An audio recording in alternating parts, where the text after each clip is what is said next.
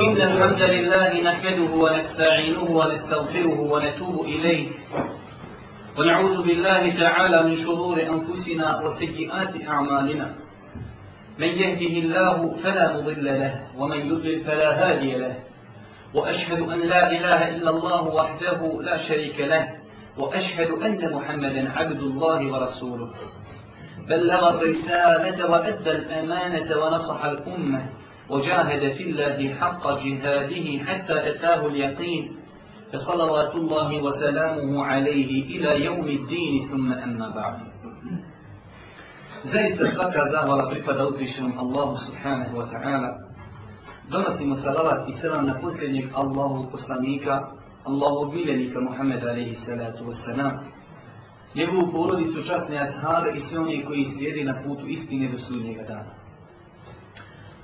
Kao što znate, vraćom, prije 15 dana održali smo prvi dio ovog predavanja koji smo naslovili Dejjal, najveće iskušenje za čovječanstvo od nastanka Adem alihi salatu wasalam pa sve do sudnjega dana.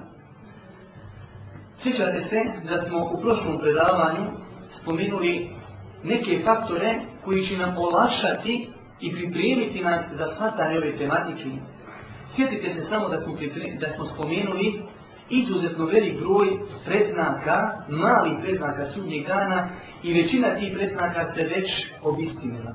Pa smo kazali da po velikom broju učenjaka islamskih prvi veliki predznak sudnjeg dana je pojava Dejjala. Zato smo mi i odabrali da govorimo o Dejjalu iz tog razloga znači što bi svakim danom moglo da se pojavi Dejjal najveći, najveći iskušenje i najveća smutnja za čitavo čovječanstvo. Spomenuli smo neke faktore koji će vam sigurno olažati svatane ove tematike. Spomenuli smo zašto je iskušenje Dejjala najveće iskušenje za čovječanstvo od nastanka Adem Ali Isra pa sve do sudnjega dana. Danas ćemo ako Bog da u ovom drugom i zadnjem predavanju koji se vezuje za ovu tematiku, spomenuti nekoliko stvari, inšala vama poznatih, ali da se prisjetimo, koji su potrebni svakom čovjeku muslimanu koji vjeruje Allah subhanahu ta'ala i sudnji dan. Zašto je Dejjal nazvan Dejjalom? U arabskom jeziku riječ Dejjal znači nešto prikrivati ili hajde da kažemo, nešto zapetljavati, lagati. Zato Dejjal s pravom nosi ime Dejjal, jer on istinu prekriva neistinom i petlja ljudima. Što se tiče njegovih fizičkih svojstva, braću moja draga, pogledamo u Hadisa Allahom poslanika, Hadisa Ratu Vesana, vidjet ćemo da je izuzetno mnogo svojstava Allahom poslanika, Hadisa Ratu Vesana, spomenuo u Hadisima koji nam opisuju Dejjala i njegova svojstva.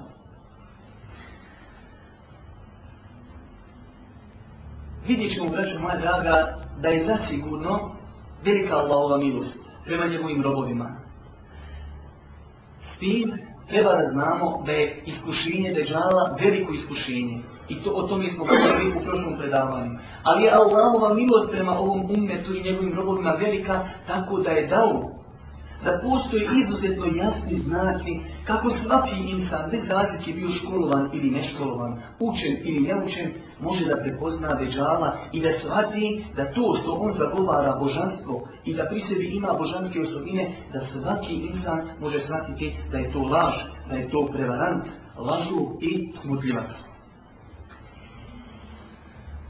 pogledajte jedne izuzetno interesantne stvari. Allah poslanik Ali Salatu Vesalam, iako nam je ukazao na njegova svojstva, do te vjeri, kao da čovjek vidi Dejjala, ipak je preporučio svom umjetu da ako čuju za Dejjala, da ne žude susretu sa njim. Već suprotno tome, da bježi maksimalno od njega. Zašto? Jer čovjek, kažu moja draga, ponekad pomisli da je jako imana. Ali kada se susretni sa velikim iskušenjima poslusta. Zato kaže Allah poslanika alaihi sallatu wasallam hadisu i zabilježi imam Ebu Dawud od Imrana ibn Husayna radi Allahu ta'ala mu se vjerodostim imam se prinosilaca. Kaže Allah poslanik, kada neko od vas čuje za Dežana, neka bježi od njega. Pogledajte sad, kaže Allah poslanik, tako mi Allaha. Allah poslanik se kuni i kaže tako mi Allaha. Čovjek će misliti da je mu'min, da će doći i kada čuje ono što on propagira i kada vidi ono što on propagira, kaže, postaće od njegovih sredbenika. Pogledajte šta znači ovdje jedna velika korist iz ovog hadisa, korist znanja. Ovaj hadis izuzetno malo ljudi zna. Zna za ovu smjernicu Allahog poslanika, a ljudi koji ljudi, radoznali, kada čuju za vječala, svako bih da ide, da vidi, pa ja neću. A vidjet ćete na kraju predavanja, da znači, će ljudi u to vrijeme vezati svoje supruge, majke, čeri, kako se ne bi odazvali tom iskušenju.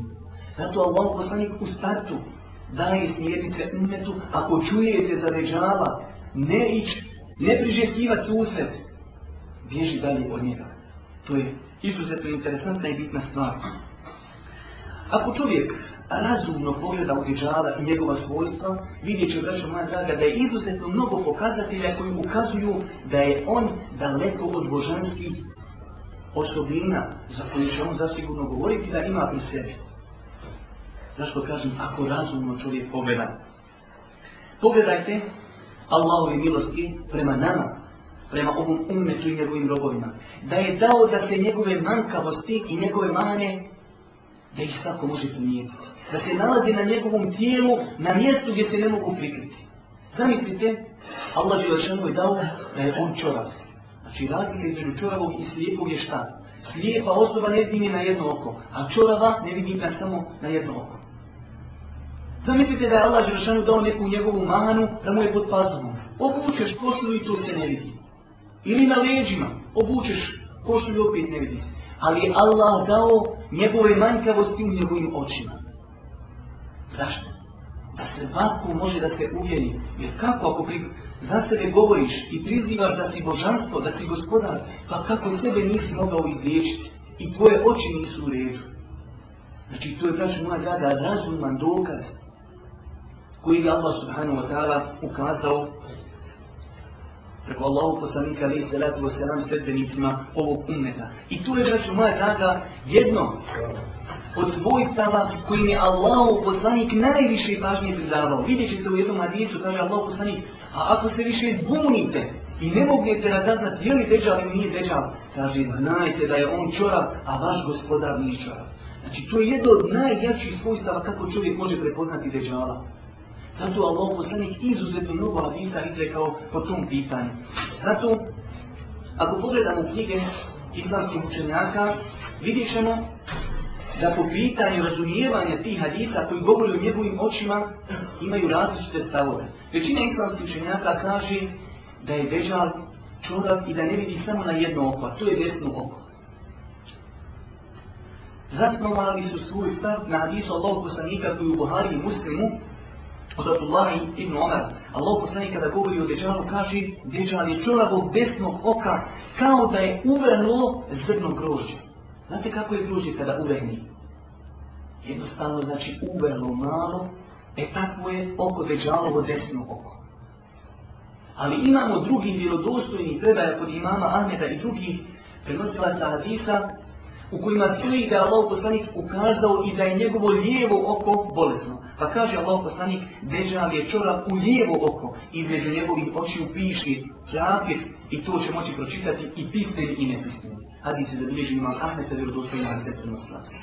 Većina učinjaka, moramo sada malo izići iz teme, znači kada dođu dva hadisa koji su kao kontradiktorni na izgled, a kazali smo više puta, ne mogu dva vjerodostojna hadisa nikada biti kontradiktorna. Postoji način kako se spajaju ti hadisi. Jedan od načina jeste da se da prednost nekim hadisima nad nekim. Ovdje su učenjaci dali prednost hadisima Buhari i Muslima i kazali su da je zrežal čovjek u desno oko. Ali dolazi imam Nebevi, Rahmetullah, Gelih i mnogi drugi učenjaci kaže nema potrebe da odpancujemo jedne hadise kada se može napraviti spoj. Pa on kaže Dejjal ima falinku i bolestan je i njegova oči su, njegove oboje oči su bolestne. Na desno ne vidi nikako i ono je uvučeno kao osušeno zrno grožja. A desno, pa a lijevo oko, kao što je spomenuto drugim hadisima, ono mu je ispupčeno. Pogledajte, braće moja, da kako ga Allah ponizio, jedno oko uvučeno i kao zrno grožja, a drugo opet ispupčeno. I on se nije mogao riješiti ti nedostataka. Zato Allah postani, kada govori o Dejjalu i najviše šta potencira, potencira da je on čovjek. A pa kako da pri sebi priziva svojstva božanstva a on čorav.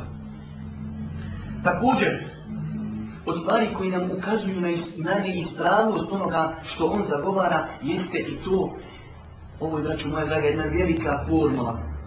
Od Allahog poslanika, ali se ratu vaselam, na koju možemo vagati božanstva za oni koji se za sebe tvrde i prizivaju da su božanstva. A tu je kaže Allahog poslanika, ali se ratu vaselam, u hadisu Tirmizije, od Ibn Omera radijallahu ta'ala mu da je Allah poslanik kazao znajte da nećete vidjeti svoga gospodara sve dok ne umrete. Znači ne može se uzvišeni Allah subhanahu wa ta'ala našim očima na dunjalu vidjeti. I zato svak onaj ko kaže da je božanstvo, a ti ga vidiš i ti živi na dunjalu zna da je to neistina. Ne može se uzvišeni Allah vidjeti na dunjalu Tu zapamtite sebi jednu veliku formu. I mu'min treba da vjeruje da se uzvišeni Allah ne može vidjeti na dunjalukom ovo dunjalučkim očima. Na osnovu ovog hadisa. Znači kako onda da povjeruje neko u deđala i da kaže da je on božanstvo, da mu povjeruje Allah u poslanike nam u irodozbenu hadisu kaže znajte da nećete vidjeti svoga gospodara sve dok ne umrete. Ne može se vidjeti uzvišeni Allah subhanahu wa ta'ala na dunjalukom. Također, od stvari i načina kako čovjek može prepoznati deđala jeste i to što je Allahova milost prema nama velika, pa je dao da između njegovih očiju na čemu piše K, F, R, Kakir. I od Allahove milosti je i to da je dao da će ta slova moći pročitati svi mu'mini, bez razlike bili školovani ili neškolovani. Neko u slabosti sluhi mona i kaže, pa kako to čovjek ne zna čitati, pa zna tada to pročitati. Allahu ništa tiško nije. Kada su Ibrahim a.s. bacili u vatru, ponašli nekim parametrima, Ibrahim a.s. je trebao izgoriti.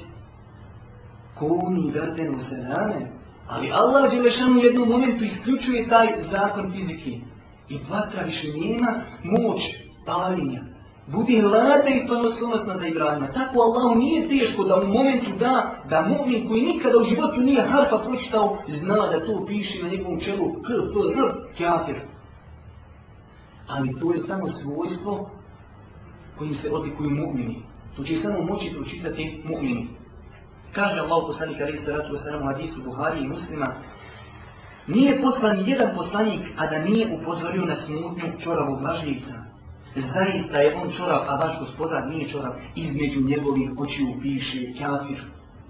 Znači, ovo je dokaz da između njegovih očiju piše kafir. A imamo drugi hadis u muslimu, u kojima Allah poslani kaže dodatak.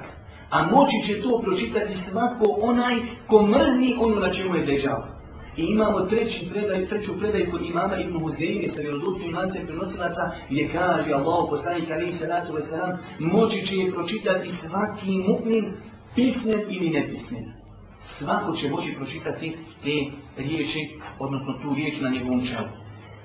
Možemo ovdje spomenuti uzgred da su ti, da ta slova su u stvarnosti. Znači tu nije nikakva metafora, već baš da su tu stvarna slova napisana na njegovom čelu. Pogledajte koliko pažnje Allah poslani posvećuje u ovoj tematici, tematici do te mjeri da je svom umetu ukazao gdje će se tačno Dejjal pojaviti.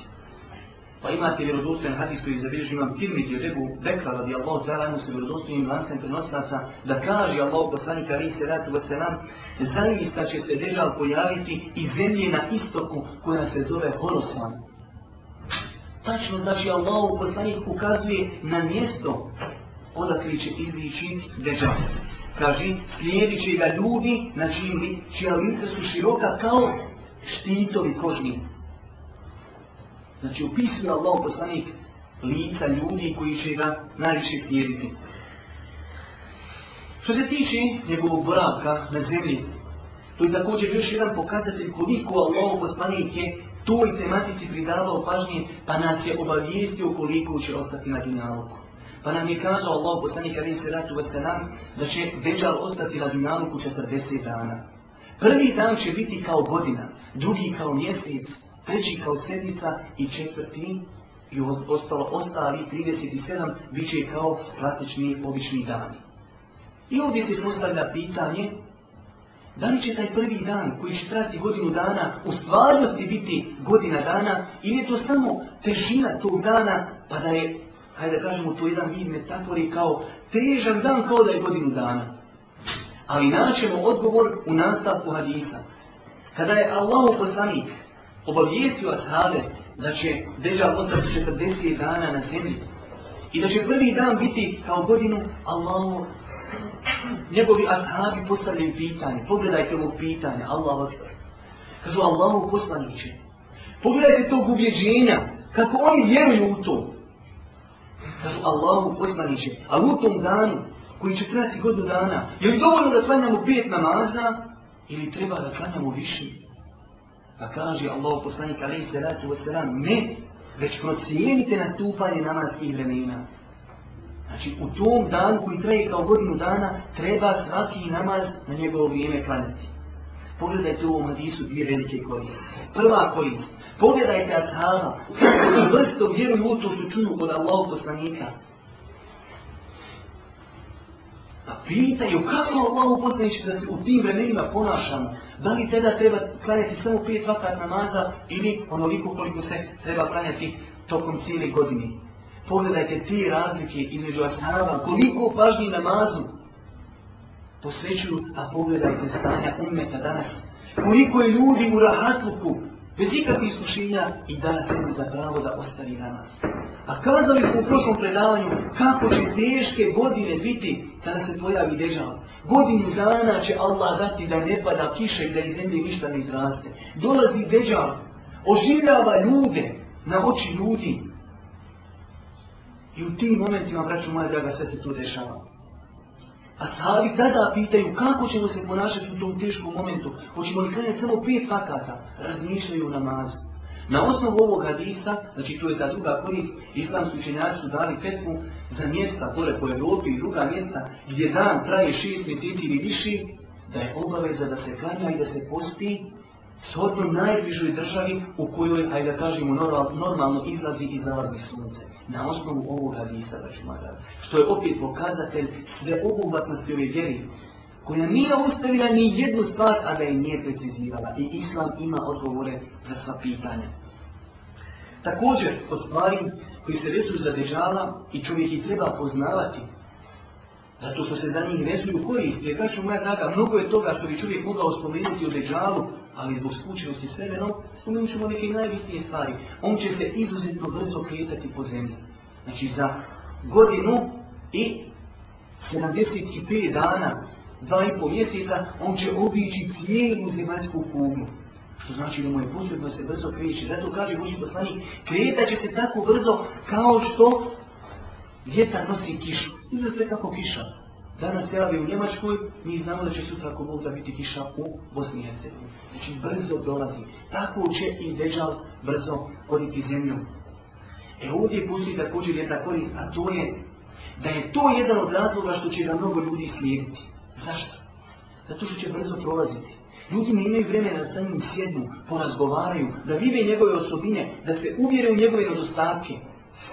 Ti kad imaš čovjeka, sam mi sjediš godinu dana, razgovaraš, slušaš njegova mišljenja, onda možeš shvatiti da li je istina to što poziva ili nije.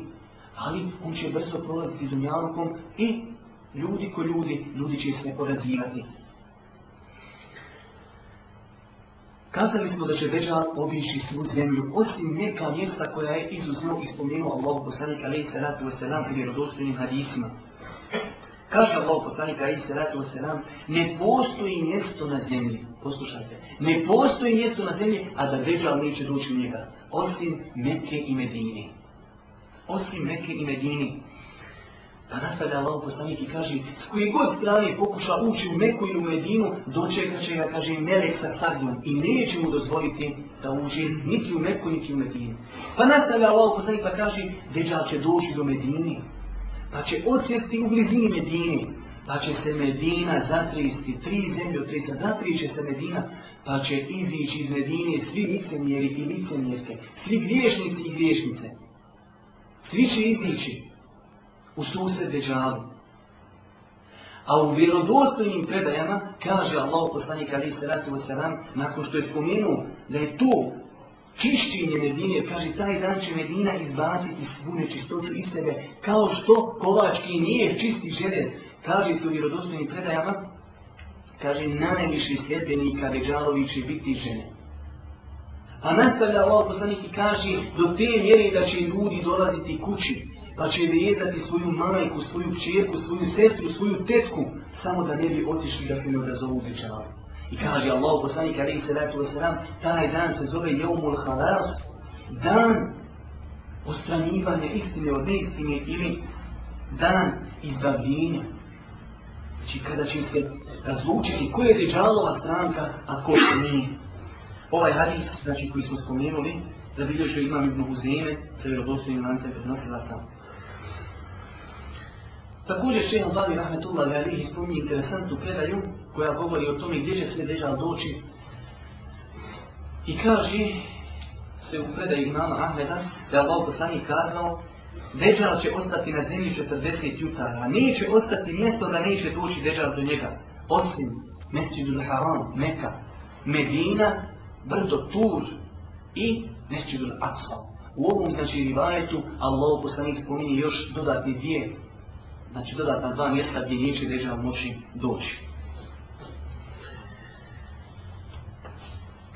Naravno, kada govorimo o deđalu, prošli put smo govorili o jačiniti smutnji, postavlja se pitanje kako čovjek da se zaštiti od svega toga. Pošto kažemo, non stop to ponavljamo, da je naša vjera potpuna i savršena. I ukazala nam je na svijetu. Znači, kako čovjek da se ponaša u svakoj situaciji vidjet ćemo ako pogledamo u pravcu Allahog poslanika ali se ratu se nam, da je, ajde da kažemo, viši način na kako čovjek može da se zaštiti od bežava i njegove smrti. Prvi onaj način koji smo spomenuli na početku jeste da čovjek kada čuje za bežava, ne treba da žubi za susretom sa njim, već suprotno tome, treba da bježi od njega. Čak je došlo vjerodostojnim predajama da je poslanik kazao, ljudi će kada čuju za bežava, mu'mini, bježat u vrda, pješači od mjesta kojim će on dolaziti, gdje će dolaziti i puteva kojima će on prolaziti. Također, ako pažljivo pogledamo pravstvo Allahog poslanika, ali se radi o sedam, vidit ćemo da je ovoj tematici zbog njene bitnosti pridavao mnogo pažnje. To jeste kako se zaštiti od svega toga. Pa ćemo vidjeti u redostojnim hadisima, hadis Buhari i muslimog Ališe, radi Allah da je Allahog poslanik se u namazu, to jeste prije teševda, da je tražio od Allaha subhanahu wa ta'ala, on, Allahu poslanik, traži da ga Allah Želešanu zaštiti od četiri stvari.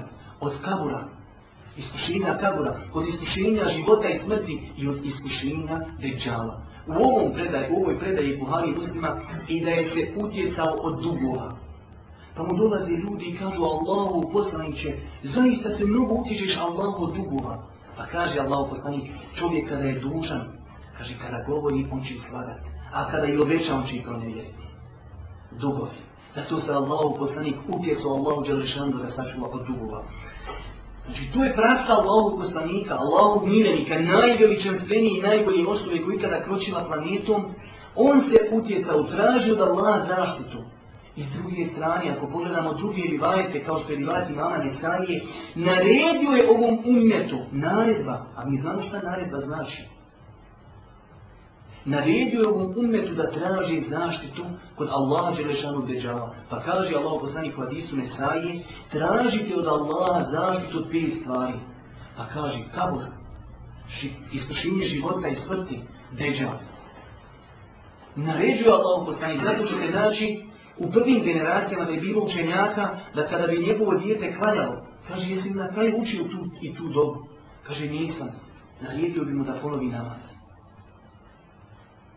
Pogledajte, naredbena forma, a kako su to prvije generacije smatale, da znači da su znali narediti svoju djeci da ponovi namaz, zato što nismo na kraju namaza učili ovu domu u kojoj traži znači, zaštitu da Allah subhanahu wa ta'ala protiv beđala. Također od načina kako se čovjek može zaštititi od beđala jeste i učenje sure Kehf. Allah poslanik Ali Sredatu Vaselam u vjerodostojnom hadisu kaže koji je zbiliđu ima muslim. Ko bude iskušan, pogledajte, ko bude iskušan, neko bude želio i išao, ne. Znači iskušan čovjek ne može to izvješiti. Pa kaže Allah poslanik, ko bude iskušan da se sretni sa veđavom, neka mu prouči prvi ajete suje kef. Time će se, kaže, zaštititi od njegove smutnje.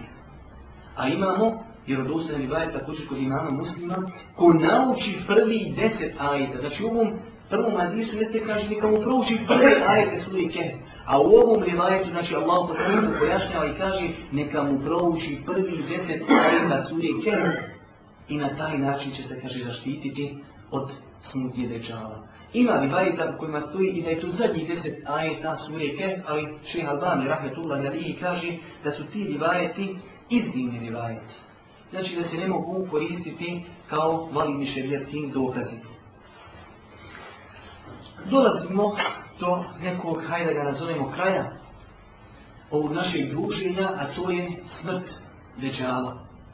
Svima nam je poznato kako će završiti Deđal, da će ga ubiti i sa alihi salatu wa salam muslimani, mu'mini, vjernici, vjernu, lik Ali Isa alaihi salatu wa salam nije ubijen niti razapit, već ga uzvišeni Allah žele želalu uzdigao i pred sudnji dan će sviđi, spušten će biti s nebesa i on je taj koji će ubiti deđala. U hadisu koji zabilježu imam muslim Ahmetullah alaihi stoji, Sjećate se prošli put kada smo govorili kako će Dejjal onoga mu'mina prorezati pilom pa će ga oživjeti. Pa kaže Allah poslanik, nastavlja taj hadis pa kaže, on će tako nastaviti, ići zemlju i pravit će smutnu pesa vjeri dok ne sviđe Isa ibn Marijem, sin Merjamin. On će, kaže, sviđi kod bijelog minareta istočno od Damaska. Pogledajte precizni opisa, braću moja draga.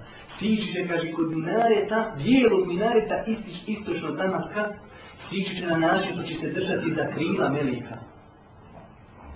Pogledajte kako Allah poslanik precizno opisuje. Pa kaže Allah poslanik, nijedan nevjernik neće osjetiti njegov zadav, znači njegov da, a da će ostati živ. Svi nevjernici koji samo osjeti njegov da, umrije će odmah. A kaže, njegov da će se osjetiti onoliko koliko vidi njegove oči.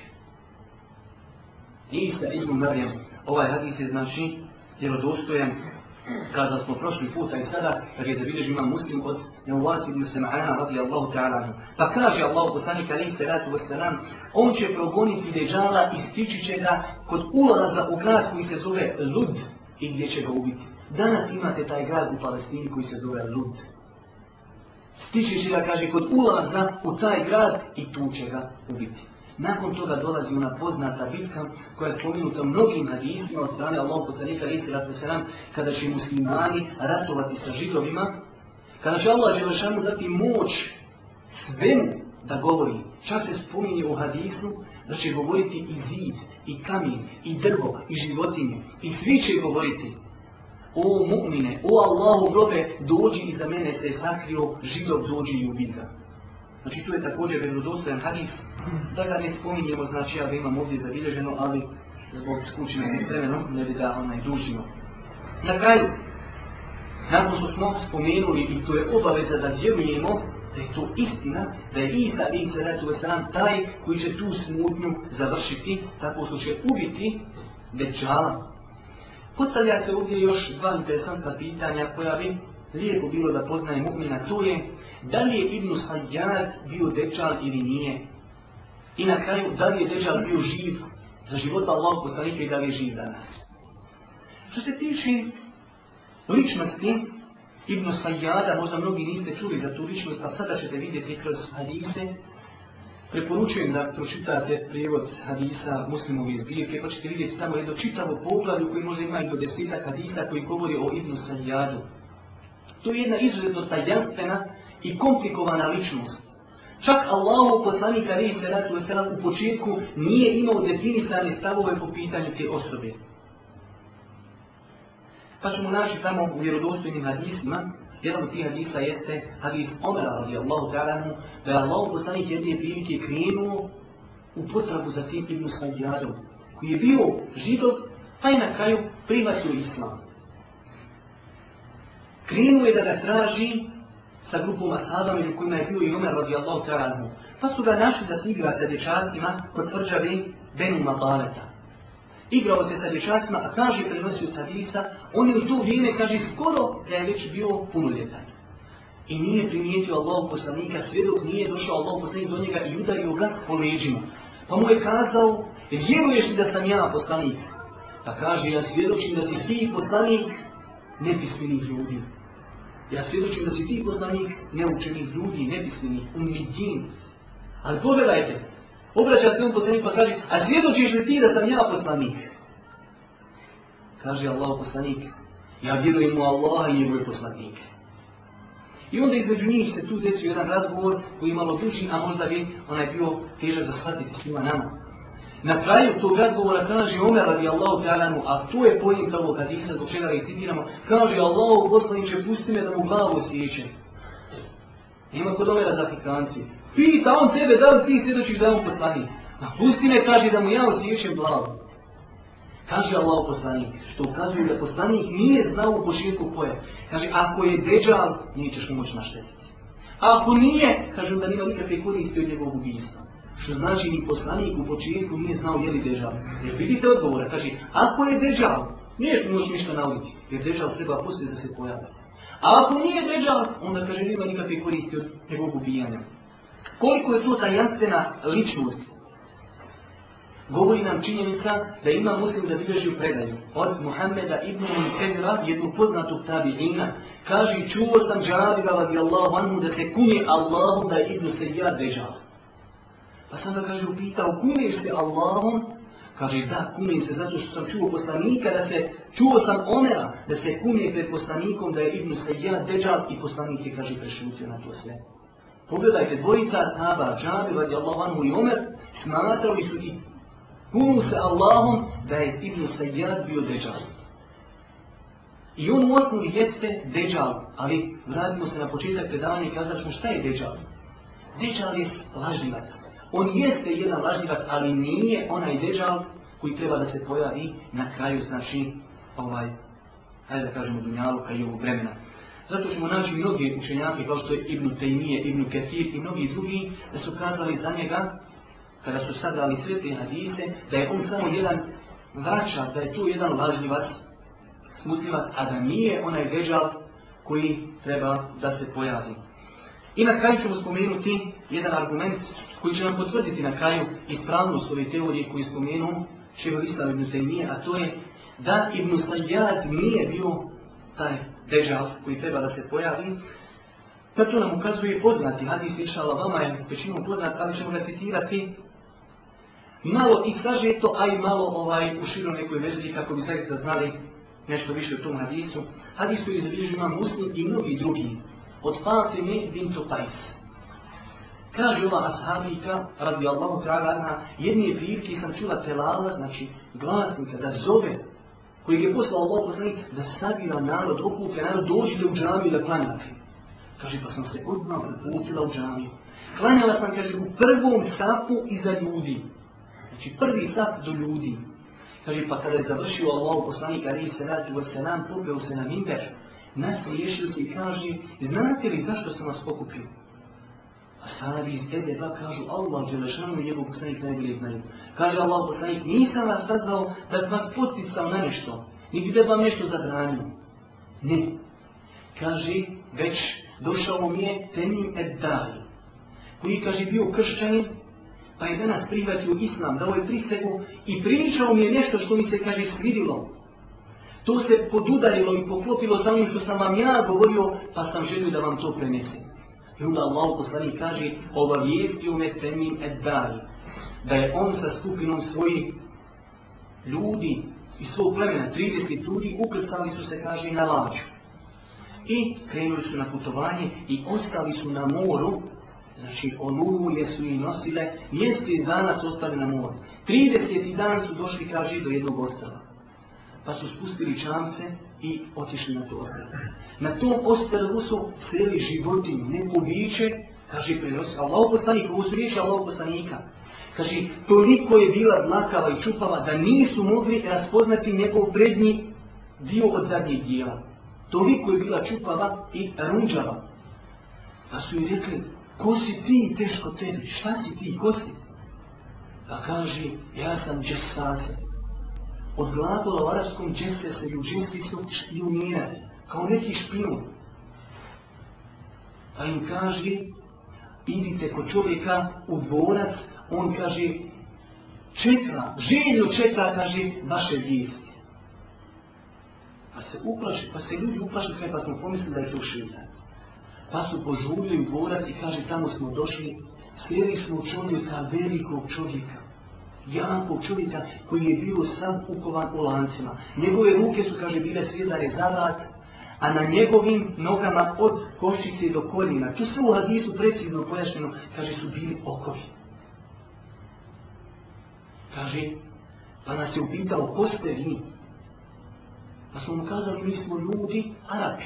Desilo se tako da smo bili mjesec dana na moru, pa smo vidjeli vaše ostavo, pa smo došli, pa smo sveli ovu životinju koja se predstavlja kao džesase, pa nam se uputila tebi. Pogledajte sad tog razgovora. Traži oni od njega da se o njima predstavim. Pa kaže, govorite mi na neka pitanja, pa ću ja vama kazati ko sam i šta sam. Pa kaže, prvo pitanje, obavijestite me o palmama Bejsani. Palme, mjesta koji se zove Bejsani. Kažu oni, šta ti interesuje tim palmama? Kaže, ili sad rađaju, daju plodove? Kažu, rađaju.